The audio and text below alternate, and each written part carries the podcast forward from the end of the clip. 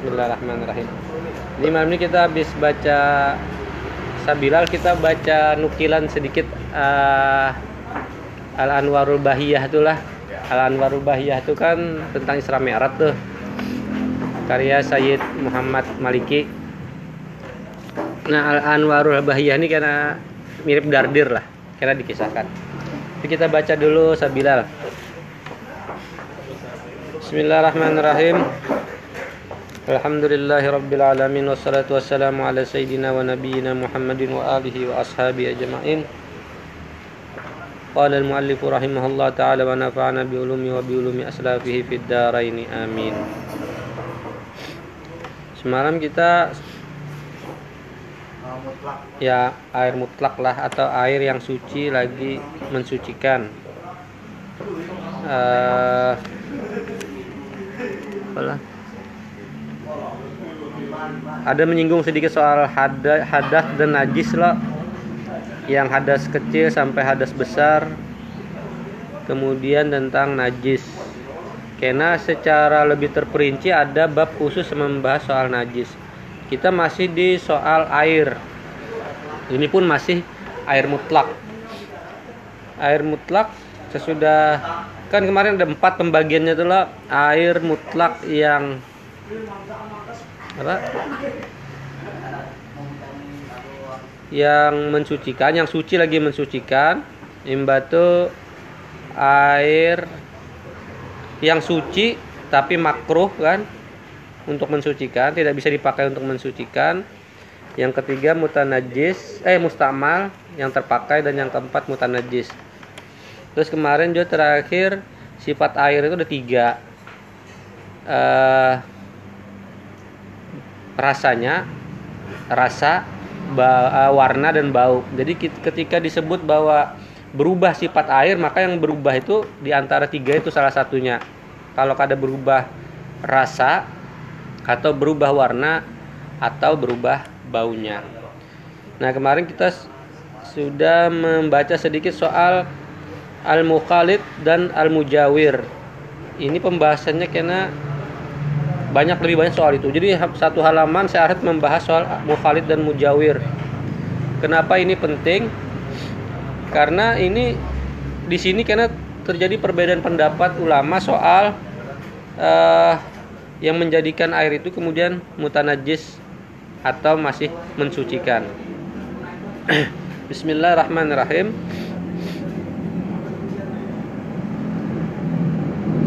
Uh, semalam uh, mukhalid itu apa? Sesuatu yang tidak mungkin yang tidak bisa dipisahkan dari air. Artinya bercampur jadi satu. Atau uh, menurut yang lain uh, mukhalid itu adalah yang tidak bisa dibedakan dalam dalam penglihatan mata kita dari air. Sama bentuknya sama dengan air. Itu mukhalid kalau mujawir itu sesuatu yang dapat dipisahkan dari air. Nah, lebih lanjut atau sesuatu yang berbeda dalam pandangan mata kita uh, dengan air. Kita lanjutkan syahdan jika berubah air itu dengan suatu benda yang mujawir, sesuatu yang ya yang kada bercampur, yang mujawir lagi suci seperti gaharu atau cendana atau minyak atau bunga-bungaan atau kapur barus yang keras maka air itu suci menyucikan jua. Jadi air yang bercampur dengan benda-benda yang mujawir seperti yang disebut tadi eh, kapur barus yang kering lah karena karena kapur barus yang rapai yang yang serbuk lain lagi. Itu lain lagi bahasannya. Itu airnya tetap suci lagi mencucikan masih mut, air mutlak juga. Dan jika banyak ubahnya sekalipun walaupun banyak kemudian ubahnya air itu karena karena karena campuran itu. Karena berubah dengan suatu yang mujawir itu semata-mata tarawuh atau turawah lah yaitu eh, menguap. Karena sifatnya menguap yang benda-benda tadi itu itu sifatnya menguap. Maka yaitu tiada menghilangkan akan nama air yang mutlak. Jadi ini kada merubah nama air, namanya tetap air. Karena benda-benda itu hanya uh, apa bisa apa hilang dengan angin gitu nala. Adalah bandingannya nah, perbandingannya seperti air yang berubah sebab diuapkan dengan umpama dupa atau yang berubah dengan sebab ada bangkai hampir dengan air itu. Jadi ini air bangkai itu berdekatan. Selama uh, ini kan masih berupa benda tuh lah kada yang kada hancur. Kada hancur. Nah selama bangkai itu di sana air ini di sini bisa dijauhkan kan kada kada merubah sifat airnya lah. Bau baunya kan juga menguap kena kena angin. Kada bercampur masuk ke dalam bau air gitu nah.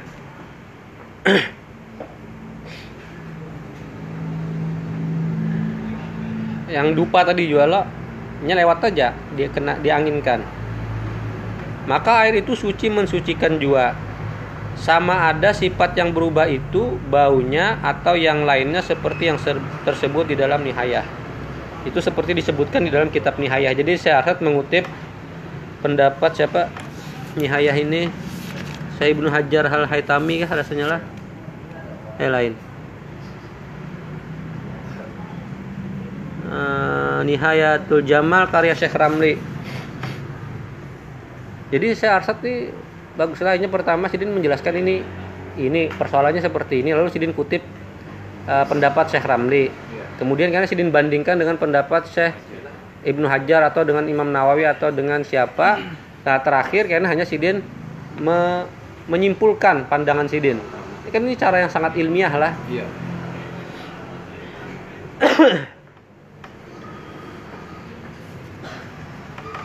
Dan demikian lagi air yang berubah dengan tanah yang dimasukkan ke dalamnya, maka yaitu mensucikan jua.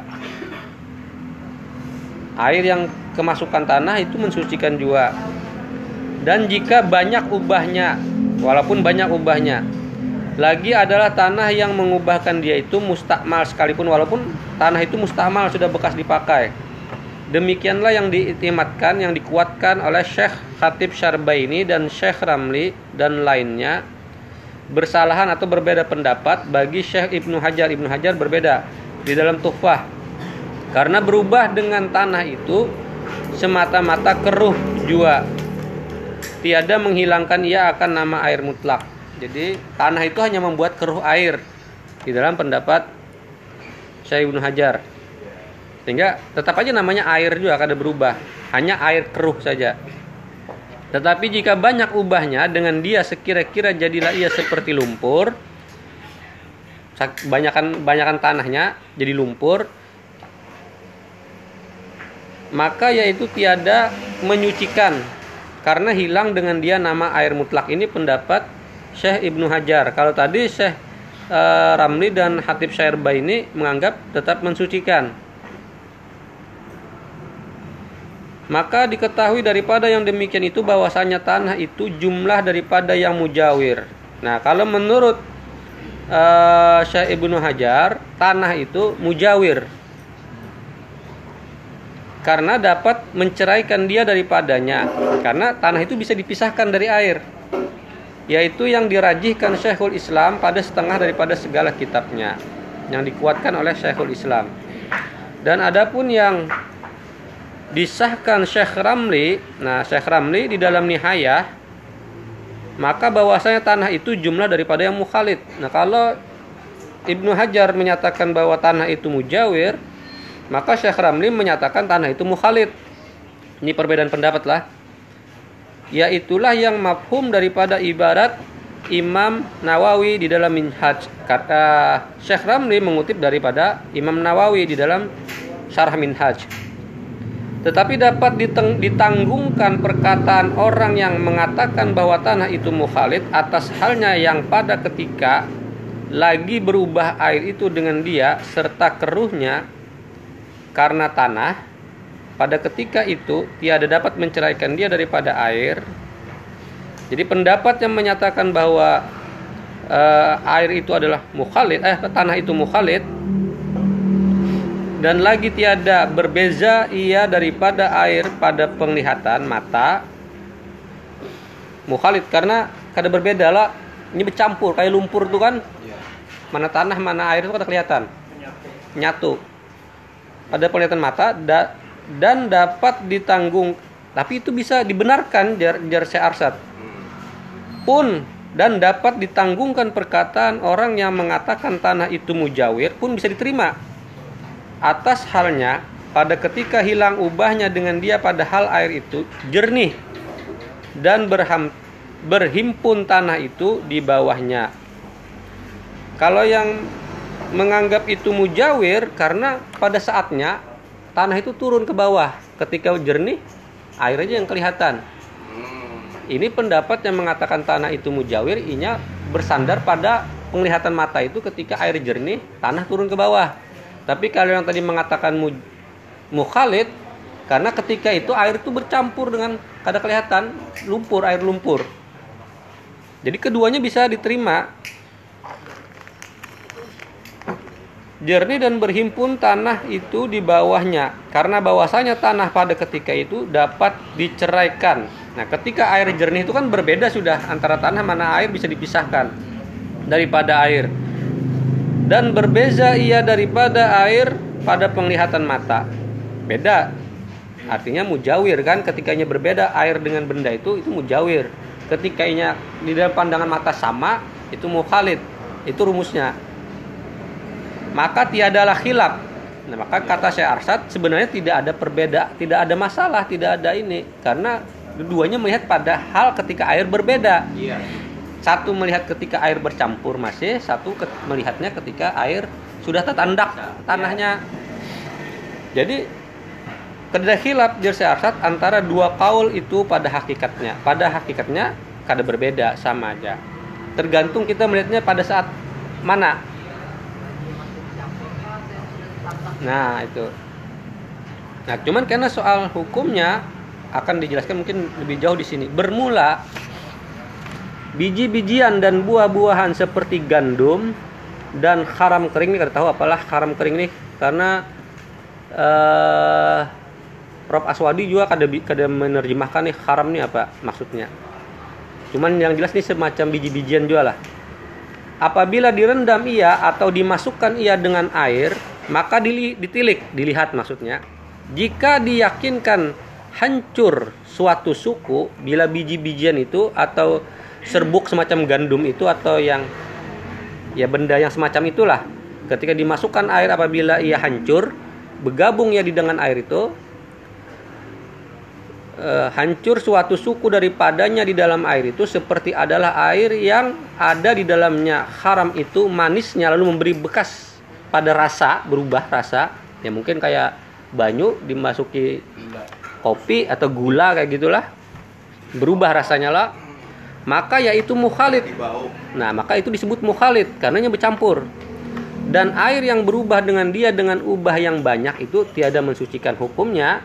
Kemudian bukan lagi air mutlak, tidak dapat mensucikan. Mungkin ia masih air yang suci tapi tidak dapat mensucikan, tidak dapat dipakai wudhu, tidak dapat dipakai mandi dan seterusnya. dan jika tiada diyakinkan jika tiada diyakinkannya yang demikian itu maka yaitu mujawir. Tapi jika kita kada yakin kita ini kan pakai dugaan nih. Bila kita kada yakin itu bercampur atau ini masuk apa hancur masuk menyatu lalu merubah rasa atau bau atau warna maka itu mujawir jar jar, jar dan air yang berubah dengan dia dengan ubah yang banyak mensucikan maka hukumnya mensucikan jadi sekali lagi kenapa mukhalid dan mujawir ini penting? Ini menjadi dasar hukum karena kemudian kan? Bilanya ubah itu bercampur lalu mengubah berarti mukhalid. Mukhalid kalau ini kan kada bisa mensucikan walaupun suci. Kopi kan tetap bisa diminum sucinya kan. Gula air gula masih bisa diminum tapi kadang bisa dipakai untuk mensucikan. Ya air mustakmal nah ini tuh air yang suci tapi tidak mensucikan. Kan ada empat tadi lah air mutlak yang suci dan mensucikan air yang suci dan tidak mensucikan makruh mensucikan mutanaj mustamal mutanajis.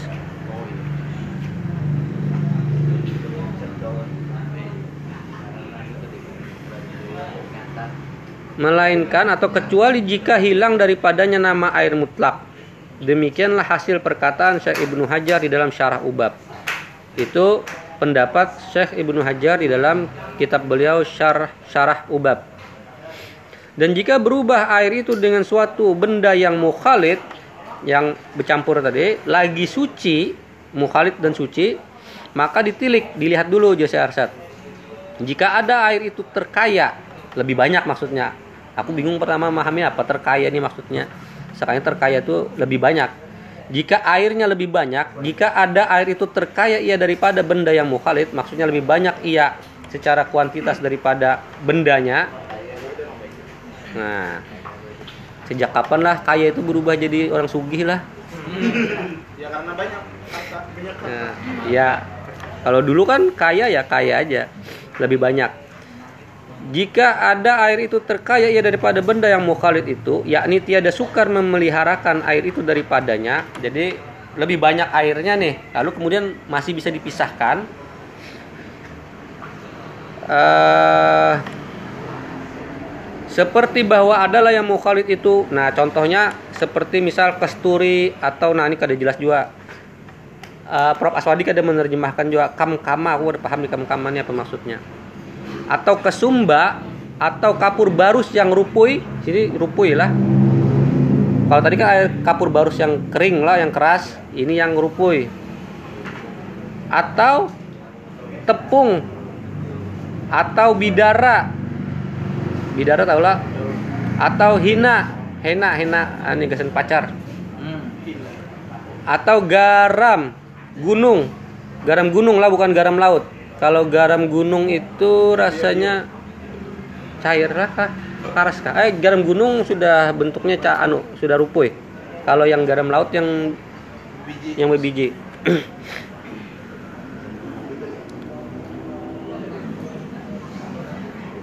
uh,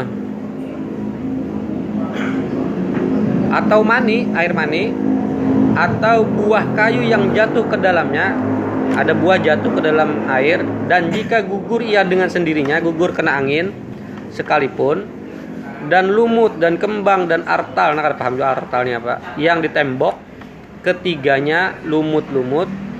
Kemudian maka dijatuhkan ke dalam air itu daun kayu yang dijatuhkan ke dalam air. Kemudian jadi luluh lantak hancur di dalam air itu Luluh lantaklah ia di dalamnya, maka air yang berubah dengan salah satu daripada yang tersebut di atas tadi, jikalau ada ubahnya itu pada takdir, pada perkiraan kita, meskipun hanya sekedar dikira-kira aja, kada yakin juga kita, kada melihat langsung, sekalipun seperti yang lagi akan datang kenyataannya tiada mensucikan maka itu tidak mensucikan jika ia bercampur dengan benda mukhalid yang suci sekalipun lah seperti yang disebut tadi maka ia tidak mensucikan. Yakni tiada sah mengangkatkan hadas dan menghilangkan najis dengan dia dengan syarat dengan ketentuan jika ada berubah itu banyak banyak. Berubahnya banyak sekira-kira hilanglah daripadanya nama air mutlak. Sehingga na, kita kadang menyebutnya lagi nama namanya air tapi apalah gitu kan. Misal air. Kopi. jadi kopi atau jadi apa gitu lah. Ya. Maka dari karena inilah barang siapa bersumpah tiada mau minum air kemudian diminumnya akan air yang tersebut itu maka tiadalah ia akan kena sumpah. Paham lah orang nih bersumpah kadang nak minum banyu lagi tapi banyu yang tadi bercampur tadi diminumnya itunya kadang kadang kena hukum sumpah. Karena apa? Karena itu bukan banyu lagi sebutannya. Analognya kayak itu nah perbandingannya syarat membandingannya kayak itu. Sekalipun bersumpah lah. Sekalipun dia bersumpah aku ada lagi minum banyu aja. Sekalian diminumnya kan minum.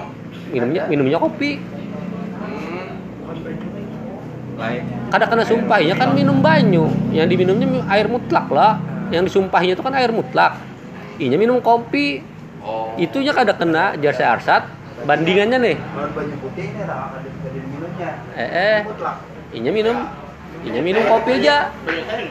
Ya seumur hidup minum teh minum kopi kan lagi minum banyu jernih kan? Ada kena sumpah. Umpama ah, saya arsat mem- mem- mem- mengumpamakannya kayak itu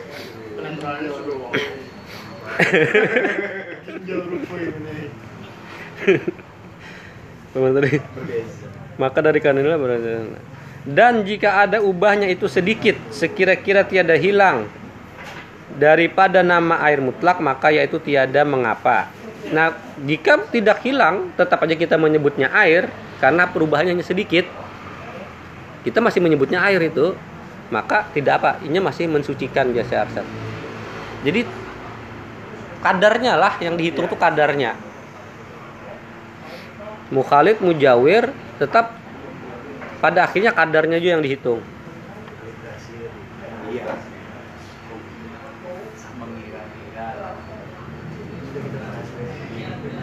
Karena nah eh, dasarnya menurut saya sabda Nabi sallallahu eh, eh, apa perilaku Nabi karena Nabi Shallallahu alaihi wasallam adalah ia mengambil wudhu daripada bejana air yang ada di dalamnya bekas tepung yang berajin. Jadi Nabi pernah mengambil wudhu dari bejana air yang di dalam bejana air itu ada tepung yang bercampur. Tapi campurnya ada banyak masih ada kelihatan tepung di bawah situ. Nabi pernah mengambil Anu. Ya, Nabi pernah wudhu dengan bejana air, wadah air yang di bawahnya itu ada tepung. Iya. Nah, ini dijadikan dasar. Selamanya kada mengubah banyak, kada mengubah air itu, maka masih bisa dipakai. Jadi banyu gelapung, jadi banyu gelapung lain lagi jadi. dikit Iya. kue tuntung dipanas kan jadi sanggar jadi gugodo gugodo Dan jika ada air itu tiada terkaya, tiada terkaya, tiada lebih banyak ia daripada benda yang mukhalid.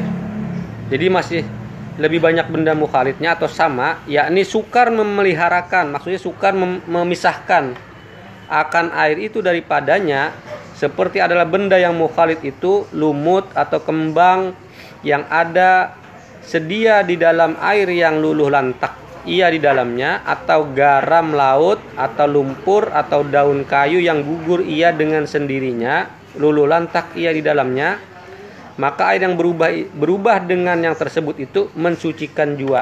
Itu disebut disebut mensucikan air mutlak. Dan jika banyak ubahnya sekalipun meskipun banyak sih ubahnya karena sukar memeliharakan memeliharakan ini maksudnya memisahkan antara air itu dengan benda yang mencampurinya dari daripadanya dan demikian lagi air yang berubah sebab lama berhenti pada tempatnya. Lama berhenti pada tempatnya. Tadi dipakai terdiam kondak tandak. Dan yang berubah dengan barang yang pada tempatnya berhenti di bumi. Berubah dengan barang yang pada tempatnya berhenti di bumi. Berubah barang yang pada tempatnya berhenti di bumi banyu yang tertandak lah eh, banyu ya ya itulah ya genangan genangan dan yang berubah dengan barang yang pada tempatnya mengalir berubah pada tempatnya mengalir di bumi Sep, hah? termasuk sangkut di daun lah Iya loh, ya. bisa itulah. Yang sudah ke ke tanah. Ya Di bumi loh nih. Iya dulu. Artinya di tanah, di atas tanah. Bantuan. Seperti ada bumi yang tempatnya berhenti atau tempatnya mengalir itu belerang, seperti belerang misal. Atau artal, artalnya apalah? Atau kapur atau garam atau barang sebagainya, maka sekaliannya air itu mensucikan jua.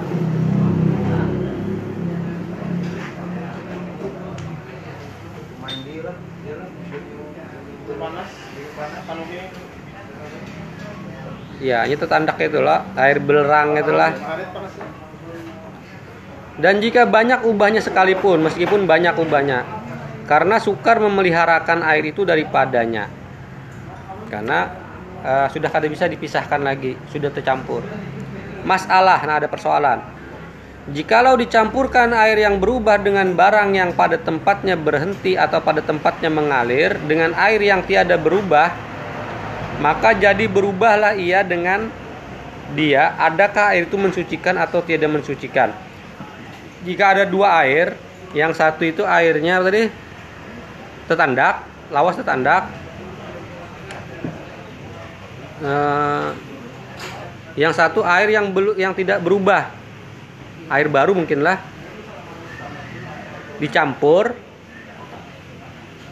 apakah ya suci mensucikan menurut pendapat Syekh Ibnu Hajar kata Syekh Ibnu Hajar di dalam Tuhfah di dalam kitab beliau Tuhfah air itu mensucikan juga masih mensucikan. Karena air yang dicampurkan kepadanya itu mensucikan maka yaitu seperti air yang berubah dengan garam laut. Seperti air yang eh ya seperti air laut. Statusnya. Ya dan hasil kata Syekh Ramli nah Syekh Ramli adapun kata Syekh Ramli di dalam nihayah air itu tiada mensucikan kalau pendapat Syekh Ramli air itu kada mensucikan karena ia berubah dengan mukhalid yang terkaya air itu daripadanya ia berubah dengan mukhalid yang airnya lebih banyak dari mukhalidnya yakni tiada sukar memeliharakan akan dia daripadanya. Jadi ini dua pendapat lah. Maka atas kata Syekh Ramli ini perbuatlah dengan dia kata Syekh Arsad bahwasanya bagi kami menurut menurut menurut pendapat Syekh Arsad dua bejana air sah akan bersuci dengan salah satu daripada keduanya apabila tiada dicampurkan keduanya dan tiada sah akan bersuci dengan dia apabila dicampurkan keduanya. Jadi bila dua dua air dalam dua bejana, yang satu suci mensucikan, yang satu sudah bercampur, itu di, jika dicampur kemudian itu menjadi kada mensucikan lagi. Dan yang kedua, atau kada usah dicampur tapi tetap tetap mensucikan. Nah, pendapat Syekh kayak itu melihatnya. Paham Agak anu lah, rumit rumit agak rumit nih sedikit berputar-putar ke.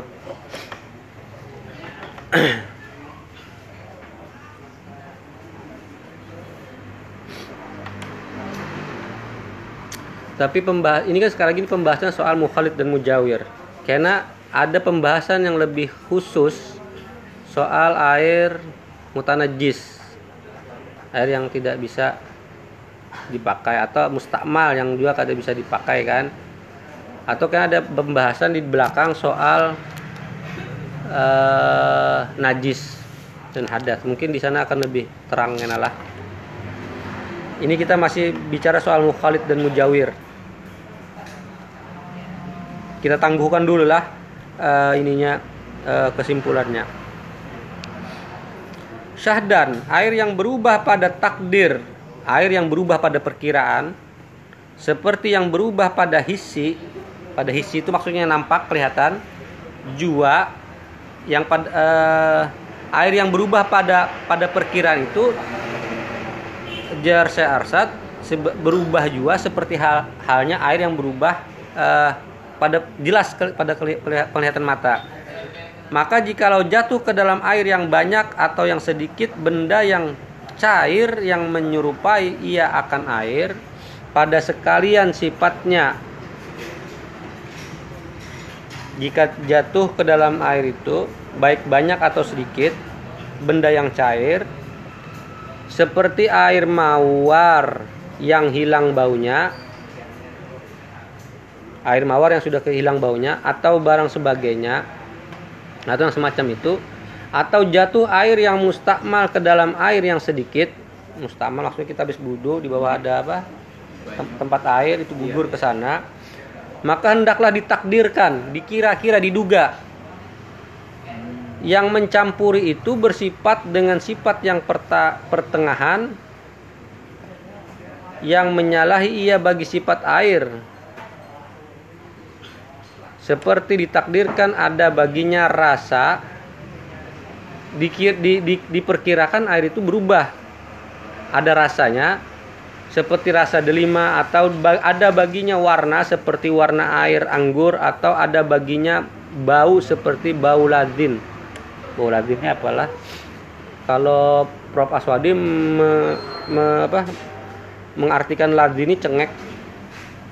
Tapi bau lah intinya bau berubah rasanya, berubah warnanya, berubah baunya. Maka jika mengubahkan ia akan air dengan takdir itu dengan perkiraan itu, maka air itu tiadalah ia mensucikan. Hanya suci juga. Inya suci tapi kada mensucikan. Maka dinamai air itu berubah pada takdir, pada perkiraan air itu berubah.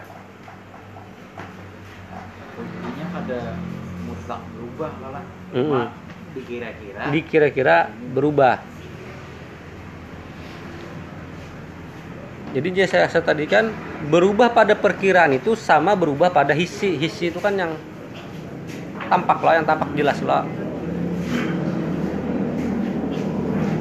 Dan jika tiada mengubahkan ia akan dia dengan takdir itu maka air itu mensucikan juga.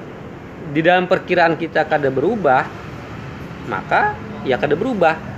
Mensucikan artinya air itu tetap suci lagi mensucikan. Adapun jika jatuh air yang mustamal itu kepada air yang banyak, seperti ada ia dua kulah atau lebih. Nah kemarin kan kita pandai kalau air itu disebut banyak berarti dua kulah atau lebih lah. Iya. Atau jatuh ia ke dalam air yang kurang daripada dua kulah tetapi sampai ia dengan dua kulah sampai ia dengan dia dua kulah maka adalah air itu mensucikan juga. Air itu kan sampai dua kulah tapi gugurnya air mustakmal itu menyebabkannya jadi dua kulah Iya, iya. itu tetap mensucikan. Jatuhnya itu memenuhi dua kulah. Hmm. Dari yang guguran-guguran itu awalnya kan ada dua kulah, dua kulah kurang sedikit. Begitu gugur air mustamal menjadi dua kulah, makanya tetap mensucikan. Dan jika mengubahkan air yang mustamal itu akan dia dengan takdir yang tersebut itu sekalipun. Meskipun itu hanya sekedar perkiraan lah. Inilah hukumnya pada mukhalid yang suci. Ini hukum ah, pada percampuran air dengan sesuatu mukhalid yang suci, yang bercampur yang suci. Adapun jika ada mukhalid yang menyerupai air itu najis, nah adapun yang mukhalid itu najis, tadi kan yang suci seperti apa gaha apa? Garu, Ya banyu. Banyu mawar apa tadi garam laut dan seterusnya lah. Itu kan suci itu kada anu. Tapi bila mukhalidnya itu najis ber, ah, ya najis seperti jatuh ke dalam air yang banyak itu kami Iya. yang hilang baunya dan rasanya kan mukhalid juga air, kem- air kencing itu kan Iya. banyu kami itu ya mukhalid juga kan karena ketikanya masuk kada kada bisa Iya, iya. dilihat dengan mata lah Najis kan. Malam ketak tapi.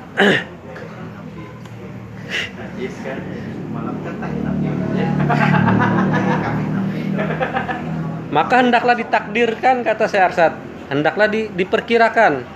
Mukhalid itu bersifat dengan sifat yang keras seperti ditakdirkan ada baginya rasa.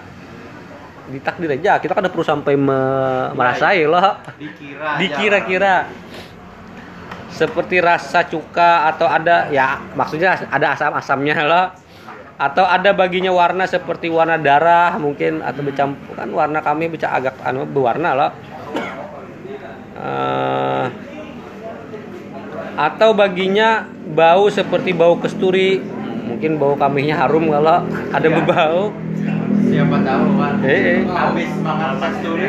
Itu bayang kami nabi. Habis makan kasturi sekarang. kami nabi siapa tahu kami nabi seharus Kasturi. maka mengubahkan ia akan air dengan takdir itu maka air itu najis pula. Maka najis Pun bawa kasturi. meskipun bawa kasturi. tapi ini berubah. Dan ini hanya pada perkiraan lah. Kita kada sampai mencium bujur-bujur. iya. Ini, ini kami kalah. eh, eh kami. perlu sampai situ kayak itu nah justru setelah dikira aja di, ditakdir aja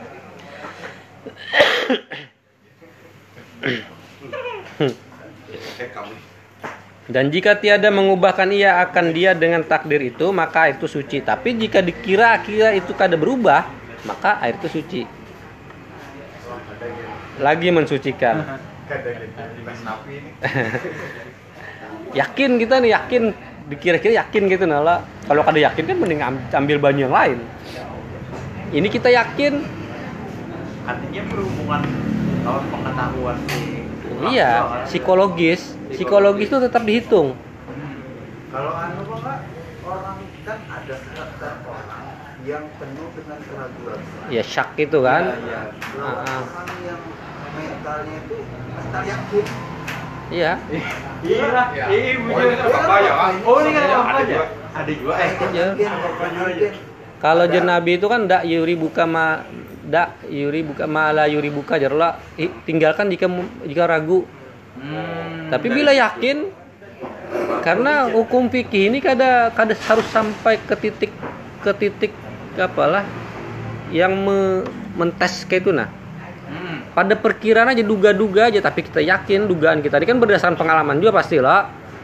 Pengalaman kita maulah kita kalau kada pernah apa tiba-tiba kita langsung tahu kada mungkin. Pasti orang itu kan punya pengalaman di bawah sadarnya atau pernah mengalami sehingga ini bisa mengira sejauh mana ini berubah ini kada itu terbentuk di, dari situ. di situ.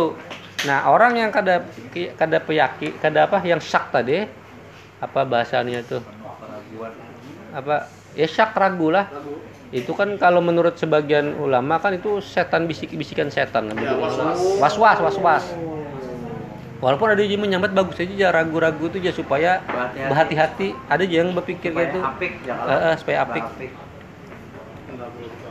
tapi kalau ragu-ragu taruh selalu sembahyang kan ada al, al, kadang hendak mempasakkan ini yang niat di dalam hati itu. Nah, terus setan tuh masuk dah lah. setan kalau menurut ulama-ulama sebagian besar ulama nyebutnya setan itu bisikan setan walaupun ada juga yang ulama yang agak ragu-ragu kayak itu apa me- supaya men- me- Melogiskan. melogiskan di sidin kenapa apa supaya kita berhati-hati di sidin jujur Daripada gitu ada sembahyang. ya Amin Iya, jangan, iya. jangan dua semena-mena kan. eh Aku yakin aja. Hanya 24 kan. Nanti keyakinannya gitu tadi ilmu pengetahuan tadi ada pengalaman juga. Ya, pengalaman. Pengetahuan itu tadi di belakangnya ada Experience, pengalaman, pengalaman. ada berdasarkan buku yang dibaca. iya apa, ada ya. pengalaman ada pengetahuan juga bukan yakin yang bahapal Yakin. Asal sana sih ya Duh, Isa 24 rakaat tuh. Kayaknya nggak terlalu yakin. Salah.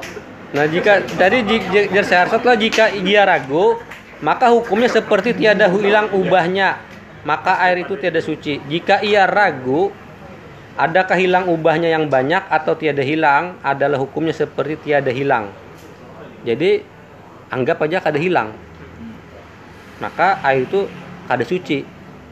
Ini berhati-hati sikap berhati-hati loh.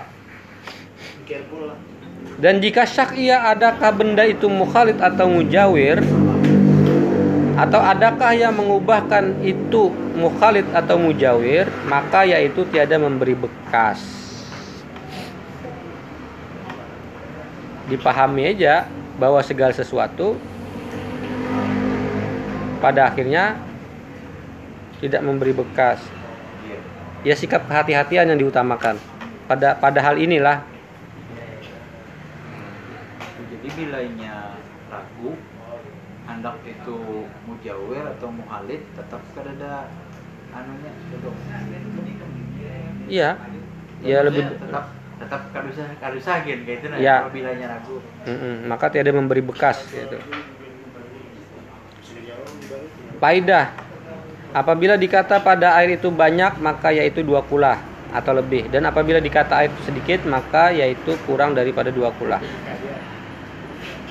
Habis sampai di sini pasal soal air mutlak. Kita masuk sedikit yang air yang kedua lah pasal pada menyatakan air mutlak yang makruh memakai dia. Bermula air yang makruh memakai dia pada syarak pada ilmu syariat dengan karahah tanzih, karahah yang tanzih yang jelas delapan perkara. Air yang mutlak tapi makruh memakai dia itu ada delapan ada delapan. Pertama air yang sangat hangat, maksudnya sangat panas. sangat panas Sangat Sangat benar ya. Memang memang pesan anu pesan teh sangat sangat hangat eh, Tapi bukan panas. Iya. bukan panas. hangat Kedua air yang sangat sejuk, Nah, tapi dingin benar, sangat dingin. dingin Karena menegakkan karena menegakkan ia akan sempurna rata air pada anggota atau karena memberi mudarat ia pada badan. Karena yang dua ini bisa memudaratkan pada badan. Sehingga kita ter berhati-hati kayak kada rata kita banu budu atau membersih anu badan kita. Panas lah. Iya. Maka tiadalah tertentu karah memakai air itu pada wudhu dan mandi. Hanya dimakruhkan memakai dia pada badan mutlak. yakni sama ada dipakai ia akan wudhu atau mandi atau lainnya maka keluar dengan yang sangat hangat dan yang sangat sejuk yaitu air yang ugahari. Nah, ugahari. yang pertengahan, yang ugahari hangatnya dan sejuknya yang pertengahan kada terlalu panas, Hari. kada terlalu dingin, maka tiadalah makruh memakai dia. Nah, kuku berarti kada masuk Berarti kada saya makruh. bisa Banyu putih ya, uga hari. Iya. Berarti panas kada, dingin kada. Dingin es kada, juga. ya. Sekalinya apa nah? Isinya aja separuh. Nah, Setengah aja. nah, bulan sampai sebilan mutadin Sesuai lawan kita Iya. bilang mau tadi. sampai lah mau masak saya garam gunung Ya. Maklum penjelasannya. Iya. Langsung penjualan kapur baru sih. minuman serbuk minuman favorit bugari Bugari, minum putih. Itu tadi dua lah, air yang sangat panas, air yang sangat dingin. Iya. Yang ketiga air yang terjemur. Nah, Itu makruh. Makruh ini artinya makruh lah, makruh hukum bukan makruh yang di dalam Al-Qur'an itu. Makruh hukum itu artinya masih bisa, masih bisa tapi gitu. ya, tapi kadang mendapat mun kau ada usah. ya mengkau kan usah, Ya. lebih baik cari yang lain kan kayak itu. Tapi masih bisa gitu Ya. nah. Banjaran sama. Ibaratnya kalau kalau Dani bisa kenapa harus saya? Ya. Nah. Bro tuh. Ya. nah itu maksud Yang keempat air di negeri Samud melainkan air pada tela, kecuali air di telaga nak nakah. Jadi di negeri Samud tuh negeri mana ya? Sam lah, negeri Sam. Lain lain. Bangsa Samud tuh na- Nabi Saleh lah. Samud tuh Nabi Saleh lah. Nah, kena cek di mana negeri Samud itu sekarang. Kecuali di telaga nakah di negeri Samud tuh ada telaga nakah namanya. Semua air di negeri Samud tuh makruh kecuali yang ada di telaga nakah. Telaga. Kelima air di negeri kaum Lut di apa tuh? Sodom and Dam apa? Sodom. And Salom, Salom. ya itulah negeri kaum Lut itulah. Sodomnya. Keenam air pada telaga Barhut. Ketujuh ada air pada bumi Babil atau Babylon, ah, Irak, Irak sekarang. Pokoknya daerah situ lah. Ya. Depan Tuhan situ lah. Ya. Kedelapan air pada telaga Zirwan, Darwan. Delapan sudah lah. Delapan lah. Dan demikian lagi makruh memakai tanah pada sekalian tempat yang tersebut itu akan tayamum bahkan tanahnya pun makruh dipakai untuk tayamum karena tiap-tiap air dan tanah yang dimurkai Allah taala atas mereka yang meng- mendiami di- dia makruh memakai dia akan umpama wudhu dan tayamum. ada istilahnya tuh pak tanah apa tuh di di Quran apa Ya pokoknya negeri-negeri yang dilaknat Allah itu eh, kapal Nabi Nuh bergerak di atasnya. Bergerak hebat sama ada sam- sambatannya tanah itu. Ya. Pokoknya tadi itu ada eh, tanah-tanah di negeri-negeri itu kada bisa dipakai tayamum airnya kada bisa dipakai suci. Kecuali yang tadi yang di, di telaga nakah itu aja kawa. Al hijir iyalah ini apa? Di Arab juga aja. Itu seperti disebut di dalam kitab tuhfahnya Syekh Ramli lah. Dan menambahi khatib Syarbaini. Nah, khatib Syarbaini menambah lagi sebuting. Di dalam Mughni, di dalam kitab beliau Al Mughni, akan yang sembilan, yang kesembilan yaitu air telaga yang dihantarkan dalam dalamnya sihir bagi Rasulullah. Jadi air yang Nabi pernah apa di telaga yang pernah diandaki racun ke Nabi itu pun jar Syekh Khatib Syarbaini makruh memakainya.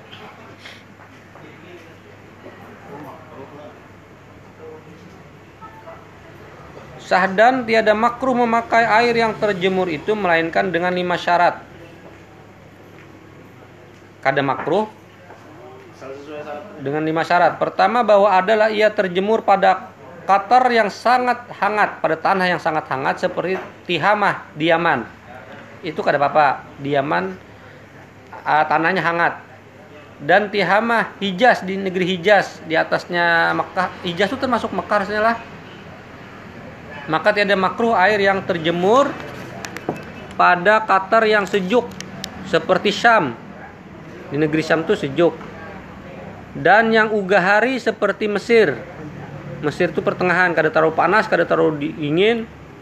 Itu pun kada makruh. Karena takdir matahari pengaruh matahari pada kedua Qatar atau pada kedua daerah itu daif eh, sangat sedikit pengaruhnya, kada terlalu anu banar. Syarat yang kedua bahwa terjemur ia pada musim hangat. Maka tiada makruh air yang terjemur pada musim sejuk dan jikalau di dalam katar yang hangat sekalipun. Jadi terjemurnya tuh hanya pada musim hang, panas dan musim sejuk aja. Itu kada kada sampai juga memakruhkan. Syarat yang ketiga bahwa ada ia terjemur di dalam bejana besi atau tembaga atau barang sebagainya daripada jenis yang kena tukul, maksudnya yang berbunyi bila ditukul yang lain daripada bejana emas dan perak. Kalau logam kan bunyinya lain dengan emas dan perak lah. Maka tiada makruh yang terjemur di dalam bejana yang lain daripada bejana yang tersebut itu seperti bejana emas dan perak dan dan meng apa nih? Dan mangkok dan kayu dan kulit dan yang terjemur di dalam telaga dan kolam melainkan jika ada keduanya itu pada gunung besi. Gunung besi itu ya gunung yang Banyak besinya. ya kandungan biji, Mengandung- besi, mengandung biji besi. Oh iya iya. Oh, Tanahnya biasanya habang kayak balik. Nah. Kayak mandi angin. Ini kan menarik lah sebujurnya Maulah kita harus lebih teliti atau paham soal-soal tanah, soal air. Berlapis. ya itu jadi jadi bahan kita menghukumi sesuatu.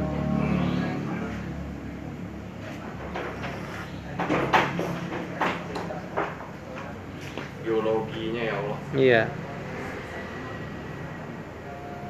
Dan demikian lagi tiada makruh yang terjemur di dalam bejana emas dan perak karena karena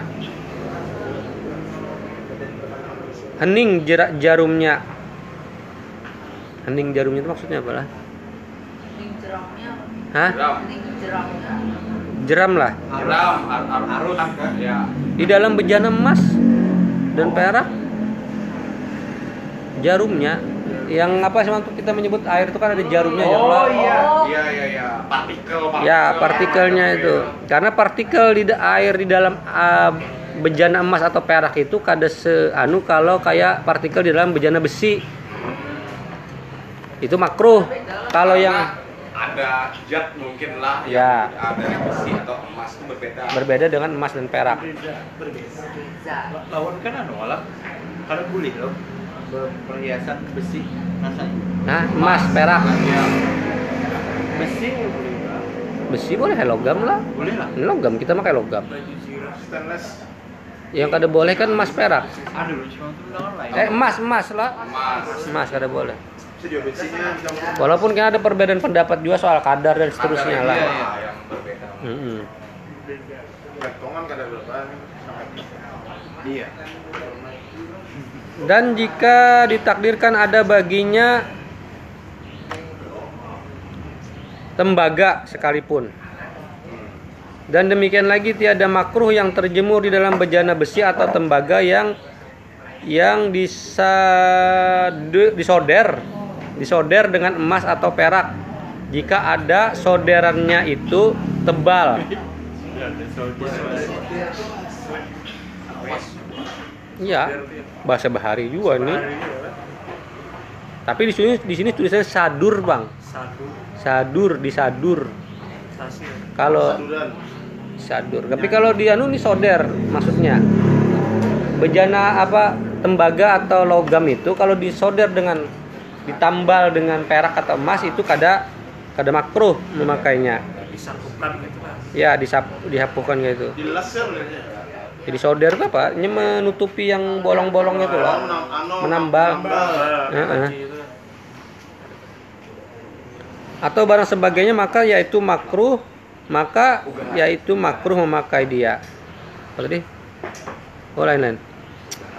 Sekira-kira menegakkan sadu, saudaranya itu akan keluar suatu daripada bejana yang disadar itu, disoder itu seperti yang tersebut di dalam tuhfah dan nihayah. Bersalahan yang terjemur di dalam bejana emas itu atau perak yang disoder atau dicampur dengan besi atau tembaga atau barang sebagainya maka yaitu makruh memakai dia. Nah sebaliknya bejana emas atau perak disoder pakai tembaga atau logam.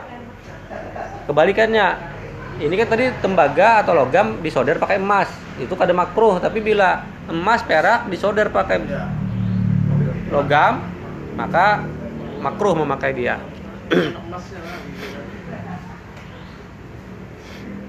Syarat yang keempat bahwa dipakai ia pada ketika lagi hangatnya. Maka tiada makruh memakai dia memakai dia kemudian daripada sejuknya. Eh, pada ketika lagi hangat tapi kita pakai waktu ketika ini sudah dingin. Apa air itu ketika itu panas. Ya. tapi kita tunggu sampainya dingin maka ketika dingin itu ada makruh memakai dia. Itu syarat itu syarat yang keempat. Ditunggu dulu sampai dingin Ya kan panas. ya, awalnya panas lah habis itu dingin nah itu bisa tapi kalau kira-kira menunggu ini lawas cari yang lain Kerang sebelah kan aja. sama Syarat yang kelima bahwa dipakai ia pada badan seperti pada wudhu atau pada mandi atau diminum sama ada pada badan yang hidup atau pada badan mayit mati dan jikalau pada badan yang sopak sopak itu yang kan penyakitan itu loh kulit itulah apa semam apa apa Be? panau kayak panau semacam panau gitulah Apa tadi? Coba cek Pak. sopak. Dan badan binatang seperti kuda sekalipun karena bahwasanya air yang terjemur dengan segala syarat yang tersebut itu yang lima tadi. Apa nih? Mu murat muarat atau terpengaruh akan sopak maka dimakruhkan nah jika ia bisi penyakit lalu kemudian air itu membuat penyakitnya itu tambah parah maka makruh. Itu kan pada perkiraan lah ditakdir lah. Tahu aja kita ini bakal kalau kita pakai ini pasti malah penyakit ya makruh. Karena tahu takut akan sopak pada yang tiada sopak atau takut akan bertambah sopak pada yang sudah sopak. Ya maksudnya menyakiti lah Melepuh lah. Ya, karena tersebut di dalam hadis yang sahih sabda Nabi sallallahu alaihi wasallam, "Da ma yuribuka ila ma la yuribuka." Tinggalkan olehmu barang yang menjadikan syak. Nah, jika engkau ragu tinggalkan. Akan dikau kepada barang yang tiada menjadikan engkau ragu atau syak. Akan dikau. Maka memakai air yang terjemur itu menjadikan syak karena ditakuti daripadanya penyakit sopak. Itu alasannya karena dikhawatirkan menambah penyakit. Habiskan sampai sini lah. Iya. Kata segala tabib yang mah muhakkak, muhakkik. Uh, menurut jasa aset, menurut dokter yang yang ahli, bahwasanya matahari daripada sangat tajam hangatnya, sangat panasnya menceraikan ia daripada bejana itu zuhumah partikel. Matahari itu me, me- mem- apa, memi- memiuhkan unsur yang ada pada logam lah.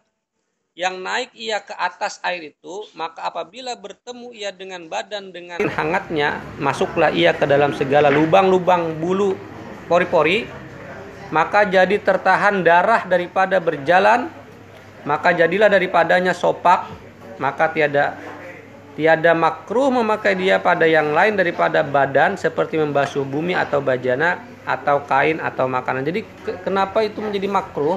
Karena menurut penelitian para ahli dokter dalam hari tabib yang muhakik lah itu matahari yang kena di logam itu kemudian memecah partikelnya. Yang partikel logam itu bagi masuk ke dalam pori-pori tubuh lalu membuat penyakit. Itu alasannya menurut saya Arsad sehingga darah kada jalan jadi beku. Tapi kada kada apa kada makruh dipakai untuk mencuci pakaian tadi. Atau membasuh apa tanah menyiram tanah kada apa tapi gasan badan kada boleh. Atau kain atau mencuci makanan pun kada apa-apa. Yang ke awak yang kada awak. Atau barang sebagainya karena tiada diperoleh ilah alasan yang tersebut itu dan tiada harus tayamum serta ada air yang terjemur tetapi jika galib atas atas atas zannya bahwasanya air yang terjemur itu memberi mudarat ia akan dia dengan kata tabib yang mahir lagi adil atau dengan pengetahuan dirinya haramlah atasnya memakai dia. Selama air itu air yang ter apa? terjemur itu masih ada kan makruh aja lah. Kita kada boleh tayamum kecuali kita yakin dengan alasan dokter misal bahwa itu akan menyebabkan penyakit maka haram eh, menggunakannya kita harus bertayamum. Walaupun banyu itu ada tapi kita yakin karena entah keyakinan diri kita pengalaman kita itu mulai sakit atau karena menurut dokter kita hanya menurut dokter aja bahwa itu menyebabkan penyakit kita tambah parah maka haram memakainya Itu juga ada. ada. Ada Hmm. fobia atau traumatik ya. Besarnya nah bermula yang terafdal nah yang lebih utama kata Syarsat hendaklah meninggalkan bersuci dengan air yang terjemur. Amun kawa tinggalkan aja kada usah pakai air yang terjemur walaupun ada syarat-syarat yang membolehkannya bisa dipakai. Afdalnya kada usah dipakai. Pada awal waktu karena yakin akan memperoleh maksudnya di awal waktu ketika anak sembahyang tuh kita masih yakin kau lagi mencari yang air yang lebih baik. Akan memperoleh air yang lain pada akhir waktu seperti yang tersebut di dalam nihayah. Syahdan tersebut di dalam tuhpah bahwa tiada makruh mengambil wudhu dan mandi dengan air zam-zam. Ada apa mandi mau berwudu dengan air zam-zam. Dan tiada haram menghilangkan najis dengan air zam-zam itu tapi terutama jangan di jangan dihilangkan najis dengan diamun kawa kada usah gen membasuh najis pakai air zam-zam lah pakai banyu yang lain aja gitu lain. Iya. tapi kada haram kada haram gitu nah Diamun kawa kada usah sayang sini kan sayang baik diminum. Bermula air zam-zam itu terlebih mulia daripada air hud. Air air haud al kautsar. Air zam-zam itu lebih mulia daripada air telaga kautsar. Karena ada Nabi Shallallahu Alaihi Wasallam dibasuh dengan dia karena alasannya Nabi pernah dibasuh dengan air zam-zam. Maka air zam-zam lebih mulia daripada air telaga kautsar. Maka tiada dibasuh ia melainkan dengan yang terafdal tapi air yang ter, terbit daripada selang-seling jari Nabi terafdal daripada air zam-zam tapi air yang keluar daripada selang-seling jari Nabi itu lebih afdal lagi daripada air zam-zam. Sampai situ habis pembahasan air makruh. Air mutlak yang makruh lah. ya air mutlak air yang suci tapi makruh memakai dia untuk bersuci. Sampai situ aja dulu. Eh, kita lanjut eh, al anwarul bahiyah lah. Ini tutup aja gini lah. Mudah-mudahan manfaat. Amin. karena habis ini kita habis Anwar Bahaya kita baca yang lain. Assalamualaikum warahmatullahi wabarakatuh